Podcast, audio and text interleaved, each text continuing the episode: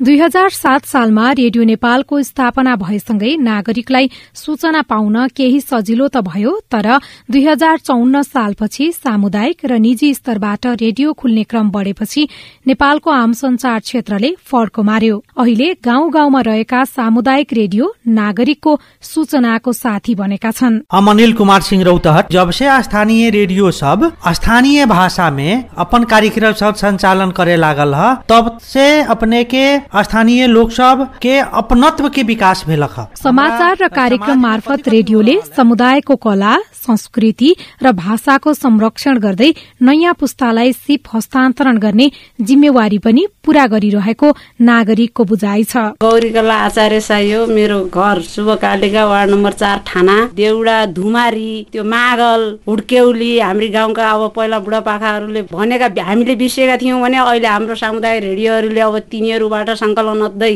प्रचार प्रचार गरेका छन् हामीले सुन्न पाएका छौँ। समुदायले बुझ्ने भाषा शैलीमा नै सामग्री दिएकै कारण पनि एफएम रेडियो प्रभावकारी मानिएका छन्। कार्यक्रम बाज महिना मुरलीमणि आज पनि आइसकेका हौँ। सिसाबाई र हातिया खडानन्द अधिकारी अन्त भित्तापट्टि बसेकी तारा सार्की। कठै बराबर पूर्व कोशी से पश्चिम पर्सा तक एक साथ प्रसारण भरहल। प्रदेश खबर से हम विनोद ठाकुर के नमस्कार। परम्परागत राम्रा संस्कृतिहरूलाई संरक्षण गर्दै समुदाय बीचको सौहार्दता बढाउन पनि रेडियोहरूको भूमिका महत्वपूर्ण छ। पाँच थरको रेडियो सुम्हालुङका स्टेशन प्रमुख रामचन्द्र वमजन। लिम्बू राई तामाङ र मगर।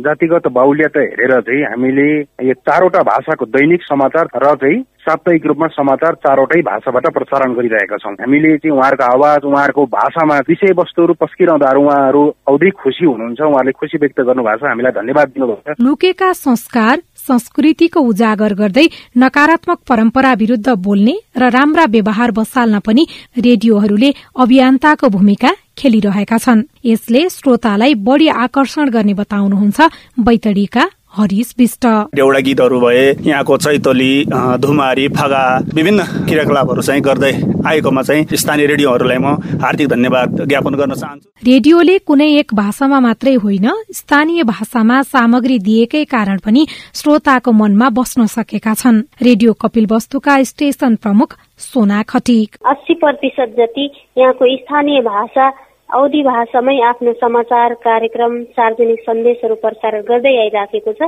पर्वहरू गौर भयो अनि तिन छठी भयो सकट भयो यस्ता त्यो पर्वहरूको बारेमा पनि हामीले उहाँहरूकै भाषामा रिपोर्ट बनाउँछौ कार्यक्रमहरू बनाउँछौ। यति भइकन पनि अझै परिष्कृत र जिम्मेवार भएर समुदायको आवाज बोल्नुपर्ने दायित्व एफएम रेडियोहरूको काँधमा छ। रेडियो गुरुबाबा बर्दियाका स्टेशन प्रमुख एक रात चौधरी। प्रदेश स्थानीय र संघले पनि यो विषयमा ध्यान दिनु पर्यो किन भन्दाखेरि अहिलेसम्म खुलेका स्थानीय एफएमहरूमा थारू भाषी र लगायतका अन्य भाषा भाषीहरूको एफएमहरू साह्रै कम छ। दुई हजार अडसठीको जनगणना अनुसार देशभर एक सय पच्चीस जात जातिको बसोबास छ भने बोलिने भाषाको संख्या एक सय तेइस छ। अकुराबका अनुसार सामुदायिक रेडियोहरूले मात्रै सत्तरी भन्दा धेरै भाषामा सामग्री प्रसारण गर्दै आएका छन्। यसर्थ रेडियोहरू भाषा संस्कृति र वेशभूषाको संरक्षण अनि विभिन्न परम्परालाई साझा बनाएर अमन चयन कायम राख्ने माध्यम पनि हुन्। सोभिता रिसाल सीआईएन काठमाडौँ।